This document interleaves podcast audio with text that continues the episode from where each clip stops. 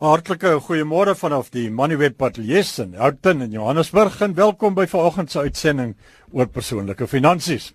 Vanoggend uh, plaas ons die klem op die moeds en die moenies vir die komende 2017 belastingseisoen wat in Julie begin en etlike maande duur.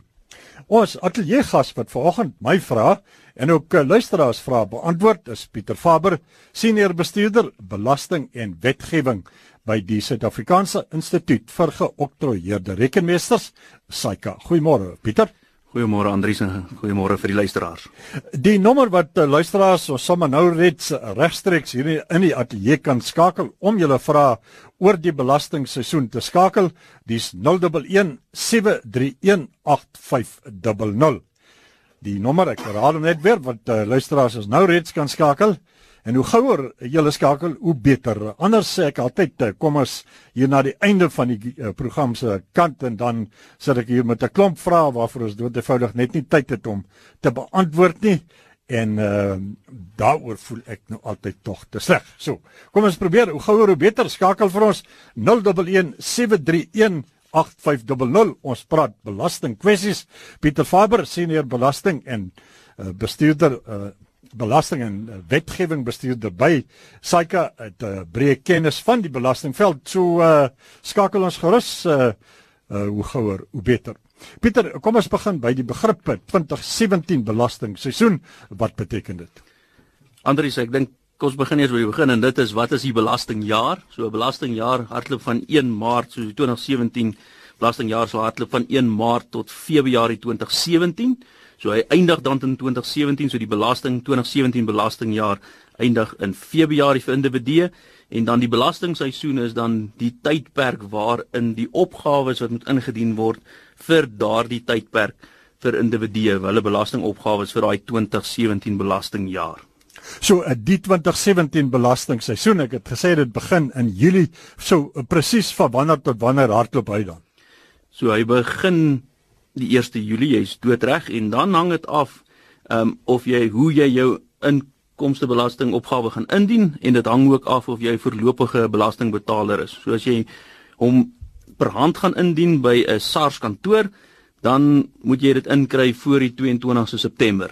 As jy dit wel op SARS se e-filing webtuiste gaan indien, dan gee hulle vir jou 'n grasie tot die 24ste November toe en as jy 'n voorlopige betaler is, 'n belastingbetaler is dan jy tot 31 Januarie 2018 om jou opgawe in te dien. Wat eh, die voorlopige belastingbetalers betref, kan ons net duidelikheid kry moet hulle intussen tyd ook iets instuur of uh, sit hulle maar vir 'n jaar lank terug en wag tot aan die einde van die belastingseisoen en maak dan seker dat hulle net uh, by daai afsnydatum uh, bykom. Anders ek dink breedvoerig 'n voorlopige belastingbetaler is gewoonlik mense wat inkomste kry wat nie salarisinkomste nie wat daarom nie maandeliks aftrekking vir belasting het nie en daarom twee jaarliks uh, belasting aan die staat moet oorbetaal en hulle moet dan registreer. So as jy jou eie besigheid het of jy het baie inkomste uit byvoorbeeld uh, kapitaalwins of rentes en, en dan dan seker ek um, hoeveelhede oorskry, dan moet jy dan registreer as 'n voorlopige belastingbetaler en dan 6 maandeliks indien. So uh, wat persoonlike belasting betref, uh, is daar veral dan die twee kategorieë en ek het verwys die een is soos die betaal wat jy verdien en die voorlopige uh, belasting. Uh, wat is die verskil basies tussen die twee? Jy het verwys dat die persoonlike belastingbetaler die uh, of liewer die voorlopige belastingbetaler, die moet twee keer 'n jaar indien. Ja, so uh, die persone wat aan salaris en die hulle betaal maandeliks, betaal soos jy verdien elke maand. En as ek nou sê maar my eie besigheidjie hardloop as 'n een eenman saak van die huis af, dan registreer ek dan vir voorlopige belasting en ek moet dan twee jaarliks, so 6 maande na die begin, so einde Augustus, uh en dan ook einde Februarie moet ek dan 'n skatting maak van my jaarlikse ehm um, belasting wat ek moet betaal en ek betaal dit dan in twee paemente basies oor aan die staat tot en met dan die finale bedrag op aanslag in bepaal word. So die bedrag wat die voorlopige belastingbetaler hierso na 6 maande betaal, is dit 'n bedrag wat hy voel is 'n of sy is 'n billike bedrag of is dit 'n bedrag wat deur die ontvanger bepaal word? Nee, dit is 'n bedrag wat deur die belasting pligtig bepaal word, maar hy moet dit bepaal volgens 'n skatting en 'n skatting gebaseer op 'n 'n spesifieke berekening. So jy moet vir SARS kan wys hoe het jy op daardie skatting gekom? Jy kan nie net uit jou duim uitsuig wat jy het nie. So jy sal gewoonlik kyk na eintlike inkomste en dis tipe meer data wat jy het en dan 'n skatting maak vir die jaar en gebaseer daarop sal jy dan uitwerk wat jou uh, die skatting van jou belasbare inkomste is. Ons uh, praat vanoggend uh, persoonlike finansies. Die onderwerp is die moets en die moenies van uh, die komende belastingseisoen wat uh, op 1 Julie begin. Luisteraars skakel ons 011 731 8500 op die lyn is uh, anoniem. Goeiemôre, jy kan my jou vraag vra anoniem. Haai, goeiemôre. Goeiemôre. Ehm um, ek wil net graag bietjie meer inligting hê in verband met hierdie belasting wat ons elke jaar in ehm um, dien. Ehm um, die ERP5 wat 'n mens kry. Wat staan ons te doen as jy glad nie 'n ERP5 kry nie? Maar as jy op die web gaan webwerf gaan kyk, dan sien jy tog hulle het iets daarin gesit maar mens weet nie presies of dit 100% korrek is nie. Baie dankie dat jy geskakel het. Uh is jy 'n voltydse werknemer net ter agtergrond wat nog uh inkomste verdien, persoonlike belasting betaal soos jy verdien betaal? Gee net vir ons 'n idee dat ons uh kan probeer vasstel met watse omstandighede het ons te maak? Ek is 'n werknemer Uh, is jy uh, is jy 'n uh, betaal uh, betaal soos jy verdien 'n belastingbetaler? Ja, ek betaal pay as you earn elke maand. En jy kry nie 'n ERP5 van jou werkgewer nie. Ja. Maar iemand kry een, dis hoekom hy onder andere op SARS se webtuiste verskyn of op SARS se records aan. As ek die dinge reg verstaan, Pieter? Korrek. En ek dink waar die luisteraar sê hy wil fisies een hê en, en volgens die wet moet 'n werkgewer aan 'n 'n werknemer een indien as jy dan nie joune gekry het binne die tydperk wat die wet vereis en dit gewoonlik binne 2 maande is na die belasting tydperk uh, begin het vir werkgewers dan moet jy eers 'n skrywe rig aan jou werkgewer. So dis jou plig as die belastingpligtig om eers terug te gaan na jou werkgewer om te vra dat hulle wel dan vir jou 'n ERP5 uitreik. En as hulle dan nie gehoor gee binne 'n redelike tyd nie, dan sou ek aanbeveel dat jy dan na 'n SARS kantoor toe gaan en dan aanmeld ehm um, dat jy wel nie en dieselfde as jy dan op jou e-filing profiel gaan en jy sien daar is wel 'n ERP5 maar jy het nie fisies een en jy stem nie saam met daai inligting nie dan is die eerste instansie moet jy eers teruggaan na jou werkgewer toe en vir hom sê hoekom jy nie saamstem met dit wat op die stel SARS stelsel is nie en hulle moet dit dan van hulle kant eers verander en dan is daar 'n dispuut is moet julle eers daai dispuut uitsorteer. Kom ons probeer by anoniem uitvind. Miskien is daar ander werknemers wat ook nie ERP5 skry nie. Anoniem het jy inderdaad as jy nog op die lyn is uh, jou werkgewer vir 'n ERP5 gevra? Ja, nee, daar was vir dit gevra en die antwoord was ons sal dit aan julle verskaf met tyd. En nou is ons alweer by 'n nuwe belastingjaar en 'n mens weet nie of die nuwe ERP5 dan ook gaan teruggehou word nie. Kan ek maar op die radio verder luister? Goed, baie dankie dat jy geskakel het. Het jy nog iets by te voeg want dit, dit klink vir my na 'n probleem wat nog lank nie opgelos is nie hierdie Pieter. Ja, ek dink dit is presies so en ek dink belangrik in in sulke tipe geskille rondom dokumentasie wat wel uitgereik moet word is dat die spesifieke persoon wel dan of self of deur die hulp van 'n uh, adviseur um, die werkgewer kontak uh, verkieslik in skrif dan om te stel dat dit die stand van sake is um, en dan weer eens as hulle nie gehoor gee nie om dan 'n SARS kantoor te nader um, om hulle te kry om om dan te help met hierdie aangeleentheid. Luisteraar skakel ons by 0117318500. Ons praat met eh, Martin in Pretoria.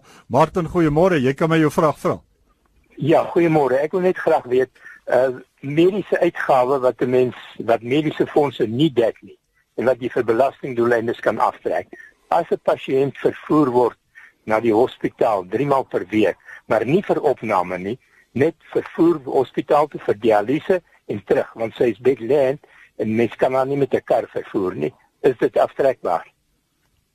Baie dankie dat jy geskakel het. Uh, Pieter, ek weet nie of jy al die besonderhede van uh, belastingbepalinge het nie, maar uh, daar is uh, dikwels groot verwarring oor mediese aftrekkings wat gedoen mag word. As jy nie presiese antwoord het nie, kan jy dalk vir ons 'n goeie riglyn gee van watse tipe aftrekkings wel gedoen kan word.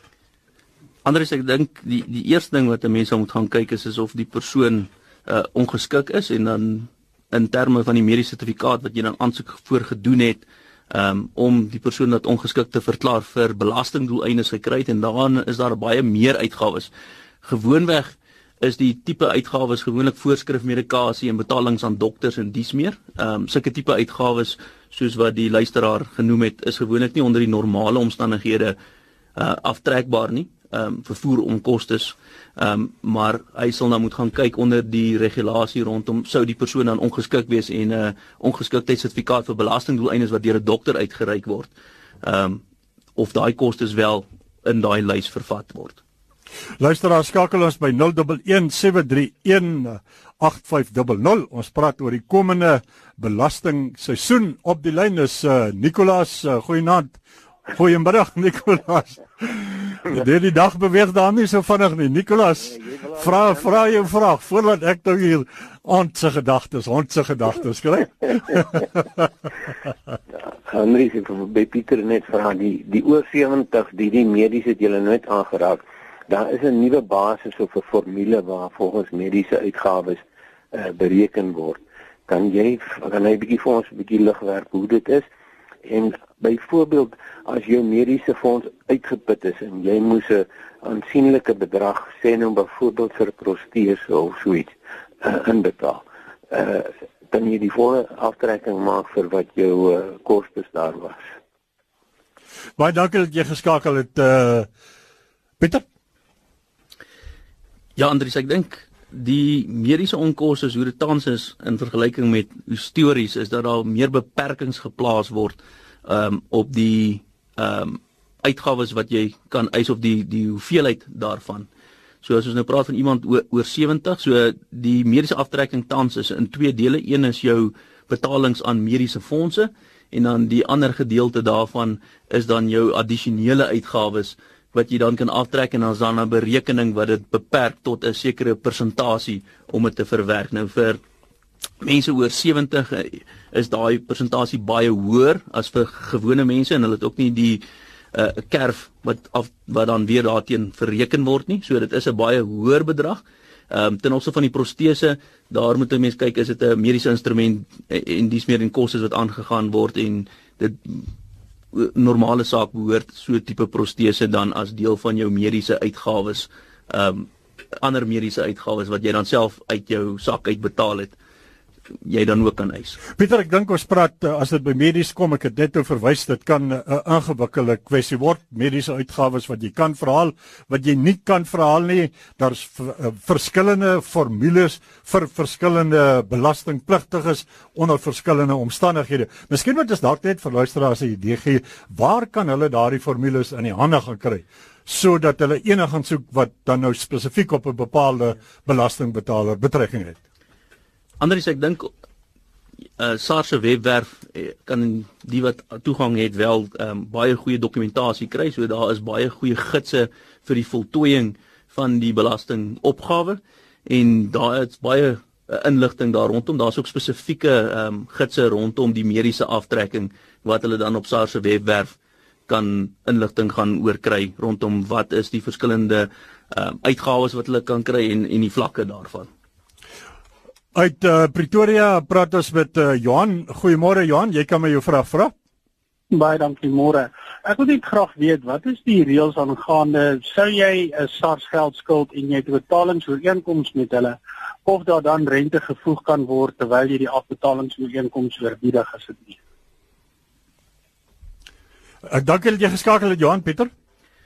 Ek dink die normale reël behoort nog steeds te geld ja dat rente loop op enige uitstaande skuld aan SARS. Ehm um, en dat daardie soos jy dit afbetaal sal daar dan rente soos jy met hulle reëling het sê maar dat jy dit afbetaal oor 6 maande dat daar wel 'n rente element daarin gaan wees. Ek ek's nie bewus van enigiets wat die rente as sodanig opskort nie. Luisteraars skakel ons by 0117318500. Ons praat oor die 2017 belastingseisoen wat aan die begin van Julie begin. Pieter, voor ons die volgende oproep neem, is daar enige beduidende veranderings by die 2017 belastingopgawe seisoen waarvan belastingpligtiges 'n behoort kennis te neem? Andries met ons voorlopige bespreking. Ons het nog self nog nie die finale weergawe gesien nie. Ons sal almal 1 Julie sien hoe lyk die finale weergawe. Ons verstaan van SARS is dat daar wel klein veranderings gaan plaasvind en dit is meestal rondom addisionele inligting. Ehm um, rondom goeder soos mediese uitgawes wat jy byvoorbeeld soos die mediese fonds uh, moet identifiseer as jy anniteit het dat jy die anniteits polisnommers en die tipe inligting bygee. En ek dink dit is dan belangrik dat wanneer jy uitgawes of inkomste het dat ehm um, belastingpligtiges luisteraars genoegsame inligting het om al hierdie tipe inligting dan aan SARS of hulle um, belastingadviseur te verskaf sodat hulle nie later aan dan sukkel om dit wel te antwoord nie. Nou verskuif ons die gesprek na Kempton Park. Ons praat met uh, anoniem. Goeiemôre anoniem. Jy kan my jou vraag vra. Goeiemôre. Ehm um, ek wil net weet my vrou het uh, 'n besigheid wat sy doen van die huis af en sy um, moet geregistreer en goeders. Wat is die kostes en goeders en hoe bereken 'n mens die kostes um, om dit te kan oorbetaal en um, reg te kan wees vir die uh, belastinggedeelte? Ek luister oor die radio vir julle. Dankie dat jy geskakel het. Eh, Pieter, sou dit dalk nou 'n geval kan wees van uh, voorlopige belastingbetaler? Ek dink presies so Andries, dit is wel 'n uh, situasie waar ons te doen het met 'n voorlopige belastingbetaler, soos jy 'n uh, besigheid van die huis af bedryf dan was die vraag maar as ek nou by voorlopige belasting vir die eerste 6 maande, so jy moet vir belasting registreer, maar jy moet ook vir voorlopige belasting dan apart registreer. So ons het gesê die belastingjaar hardloop van 1 Maart tot 28 Februarie, so die eerste voorlopige belastingbetaling moet dan gedoen word einde Augustus. En die vraag was wel, hoe bereken ek dit? Nou jy moet 'n skatting doen vir die jaar, so na 6 maande kom einde Augustus, sou jy dan kyk wat is jou werklike uitgawes en inkomste soos wat jy 'n normale belastingberekening sou doen. Jy's gewoonlik sou jy dit net verdubbel behalwe as jy dan glo jy minder of meer sou verdien in die volgende 6 maande as jy daai skatting byvoorbeeld akkuraat kan doen en jy sal dan die belasting bereken vir die volle jaar op jou skatting deel dit deur 2 en dit sal jou voorlopige betaling vir daai eerste periode wees en dieselfde proses sal jy dan doen einde Februarie daar sal jy hopelik nou net baie meer akkurate inligting hê om jou skatting dan te doen vir die jaar Op die lyn uit uh, Centurion is dit Jan. Uh, Goeiemôre Jan, jy kan my jou vraag vra? Goeiemôre. Ja, ek het graag uitvind man. Uh maar al my opgawes vir elke jaar is ingedien en nou Januarie maand nou hierdie jaar die dame het wat sy doen nou kyk, sien sy my 2010 opgawes uitstaande. En en hoe kan dit moontlik wees? Nog al die jare is ingedien en en die vorige jare was nie uitstaande gewees en nou na 6, 7 jaar is uitstaande. Wat kan die probleem wees? Is SARS wees. Pieter, ek dink die waar 'n mens eers moet begin is gaan kyk of 'n mens een of ander uh bewyse kan kry dat dit wel ingedien was. So as dit uh by per hand ingedien is, het jy een of ander ontvangserkenning en dan of jy dit op e-filing gedoen het, het jy enige ander bewyse dat dit wel ingedien is. Ek dink dit is altyd die begin om seker te maak dat daai feitelik dat dit wel ingedien is. As dit daar dan uh bevestig is dat dit wel ingedien is, ek dink dan is die tweede stap om dan terug te gaan na SARS toe na SARS kantoor toe en ehm uh, te gaan bepaal ehm um, wat nou te staan en ek dink dis altyd moeilik want ek self kan nou nie verklaar hoekom iets net sal verskyn as dit wel ingedien is nie en dit sal hulle dan direk met 'n SARS kantoor moet opneem. Nou praat ons met uh, Anna, goeiemôre Anna, jy kan my jou vraag vra? Goeiemôre. Ehm um, ek is van Elspark en ek wil net weet ons mediese fonds is uitgeput. Nou moet ons kontant betaal vir al ons medikasie. Dis bloedtoetse en dit loop nogal 'n groot bedrag. Nou sê die dame vir ons, ons kan nie dit terugklaim nie want eh, ehm uh, um, daar sprake dat hulle dit nie vir ons gaan uh, ons kan dit nie terugverhaal van die uh, SARS kantore nie alhoewel ons dit op die uh, mediese uh, belastingsertifikaat wat ons van die mediese fonds kry ons kan net daai terugeis van die uh, belastingkantoor uh, van die belastingkantore Uh, is dit waar of is dit nie? Goed, uh, dankie dat jy geskakel het. Uh, Pieter, kan jy 'n bietjie duidelikheid gee? Andries vir mediese uitgawes as die uitgawe betaal is aan 'n geregistreerde belasting ag aan 'n mediese praktisyn soos patoloog en dies meer of dis voorskrif medikasie. Die feit dat jy nou nie van die mediese fonds as jy kontant betaal het, dan kan jy dit wel ehm um, in jou belastingopgawe. Soos sê daar is sekere uh, beperkings rondom die eis en dit hang dan af. Daai beperking gaan afhang van jou ouderdom en of jy wel onges medies ongeskik is vir belastingdoeleindes maar jy kan dit wel insit as deel van jou eis en gebaseer op die berekening gaan jy dit dan en ek dink dis een van die goeders as ons praat rondom uh inligting wat jy dan beskikbaar het is dat daai spesifieke um inligting jy dan moet hou al jou kwitansies en en dies meer en dan net in in 'n skedule dalk vir SARS voorsit so wanneer hulle die inligting vra dat jy daarin bydraend het. Ja, my siening van die situasie is dat uh, mediese skemas, uh, mediese fondse stuur 'n staat aan hier uh, teen die einde van die belastingjaar se kant waarop hulle sê hierdie is geëis, hierdie is uitbetaal, hierdie is nie uitbetaal nie. En dit is sover soos wat mediese skema se mandaat gaan. Die mediese skema het nie inligting tot die belastingbetaler se finansiële posisie oor hoofs te sien om nou eintlik te kom en te bepaal en sê maar hierdie kan julle nie eis nie. Tensy dit nou is vir items wat uh wat die mens normaalweg nie sou kon eis nie, maar die mediese skema is nie daar in die finale instansie om te sê jy kan hierdie eis of jy kan dit nie eis nie omdat ons dit nou uh nie betaal nie. Dis 'n somme berekening wat gemaak word deur die belastingpligtige homself in in die finale instansie SARS op grond van daai formule wat ons net nou van gepraat het. Korrek Andries, nee, ek dink uh, omdat alle uitgawes nie noodwendig deur die mediese fonds gaan nie. Ek meen van die goeder betaal mense uit hulle sakke uit. Ehm um, nou die mediese fondse as jy dit wel geëis het en die mediese fonds dek dit nie, op daai belastingsertifikaat sal die mediese fonds wel aandui watter uitgawes het jy by die mediese fonds geëis en nie betaal nie. En ek dink dis baie keer waar belastingbetalers net moet versigtig wees dat hulle dan nie die uitgawe dupliseer nie dat hulle dan nie die een wat hulle op die kwitansie het sowel as die bedrag wat die medies aandui wat hulle geëis het en nie deur die fonds gedek is wat hulle toe in elk geval kontant betaal het nie weer eis nie. En ek dink hulle moet net oppas daarvoor en seker te maak dat hulle dit nie dupliseer nie. Uit uh, Kreersdorp is dit uh, Wilma, goeiemôre Wilma, jy kan my jou vraag vra? Goeiemôre. Of sien net vir my, um, ek het vir 'n maatskappy gewerk waar ons 'n sekere tydperk uh, ten volle in diens was. Toe skakel hulle van een maatskappy oor na 'n ander een toe. Nou binne 4 maande toe maak hulle hierdie maatskappy toe en hulle skakel weer oor terug na die vorige een.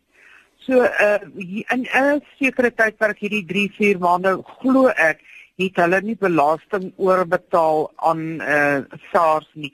Hoe vind 'n mens dit uit? Mag 'n mens hulle vra hy het uiteengesette staat vir die tydperk wat jy neem aan, hulle het oorbetaal en die ander maande wat maak ek? Ja. Gaan ek SARS toe Goed. of hoe, hoe werk ek? Wilma, dankie vir die skakel. Pieter, ons tyd is ongelukkig bitter min. Uh, kan jy gou vir ons 'n kort antwoord ja. gee?